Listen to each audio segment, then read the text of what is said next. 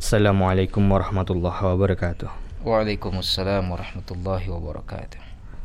Ustadz, bagaimana suatu kaum mendapatkan pemimpin yang memiliki kekuasaan yang berkah atau juga sebaliknya bagaimana seorang pemimpin memimpin sebuah wilayah atau memimpin suatu kaum dengan kekuasaan yang berkah Ustadz Bismillah walhamdulillah wassalatu wassalamu ala rasulillah wa ala alihi wa sahbihi wa mawalah amma ba'du Berkah secara bahasa berarti ziyadatul khair bertambahnya kebaikan dan secara tersirat Al-Quran menyebut kekuasaan itu sebagai sebuah al-khair, sebagai sebuah kebaikan. Artinya bisa kita jadikan sarana untuk kebaikan. Jadi dalam Islam tidak e, aib kemudian memiliki kekuasaan kalau itu bisa dijadikan sebagai alat kebaikan, kemaslahatan bersama. Itu tercantum dalam Al-Quran surat Ali Imran ayat 26 kan tentang e, kekuasaan itu adalah kebaikan. Nah, kekuasaan yang berkah itu adalah kekuasaan yang mendatangkan tambahan kebaikan, baik bagi diri, keluarga, maupun masyarakat. Nah, bentuk tambahan kebaikan pada kekuasaan adalah ketika ia bisa menolong diri, keluarga, dan masyarakat menjadi lebih dekat kepada Allah, menjadi lebih sejahtera, menjadi lebih adil, menjadi lebih makmur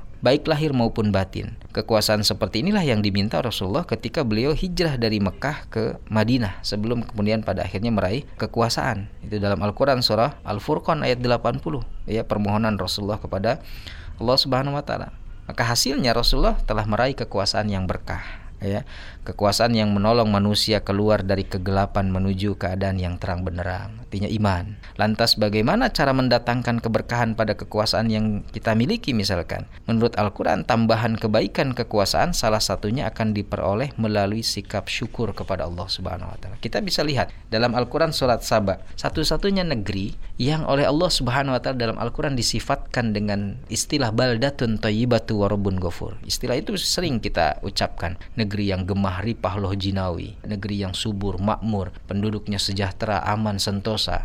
Itu ungkapan baldatun thayyibatu warabun ghafur adalah negeri Saba. Dikisahkan dalam surah Saba ayat 15, Auzubillahi minasyaitonirrajim, laqad kana li saba'in fi maskanihim ayah jannatani ayyamini wa shimal. Kulu mir rizqi rabbikum washkurulah baldatun thayyibatu warabun ghafur. Jadi pada negeri Saba itu ada satu tanda kekuasaan Allah. Negeri Saba itu punya kanan kirinya itu seperti surga. Artinya kebun, taman yang bayangkan itu seperti surga, laksana surga. Buah-buahannya dikisahkan dalam tafsir Ibnu Katsir, suburnya negeri Sabah kalau waktu panen buah-buahan bukan kita capek metik atau manjat, tapi justru tinggal simpan keranjang di atas kepala lalu berjalan saja itu petaninya. Maka buah-buahan itu berjatuhan dengan sendirinya ke dalam keranjang tersebut. Jadi penuh ganti lagi dengan keranjang yang kosong yang baru diletakkan lagi di atas kepala saking suburnya negeri Sabah dan mereka diperintahkan oleh Allah kulu mir rizki rabbikum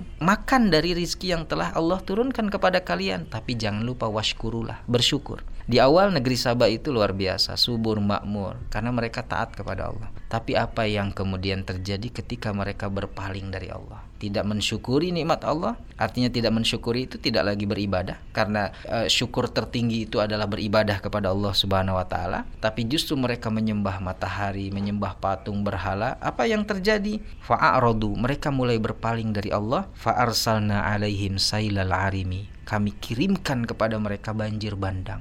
Banjir yang sangat besar. Wabaddalnahum bijannataihim. Dan tadi kebun-kebun yang laksana surga kanan kirinya itu kami ganti dengan jannataini zawatai ukulin khamtin wa athli wa syai'in min sidrin qalil.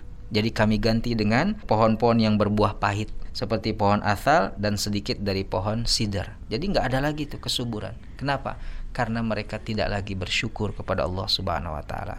Mudah-mudahan negeri yang kita cinta Indonesia ini rakyatnya, penduduknya senantiasa bersyukur kepada Allah dalam bentuk beribadah kepadanya. Karena kalau kita sudah kufur kepada Allah, tidak menutup kemungkinan Indonesia ini bisa menjadi negeri sahabat jilid dua misalkan yang oleh Allah dicabut keberkahannya, dicabut kesuburannya satu persatu setahap demi setahap. Nauzubillahi min dzalik. Allahu.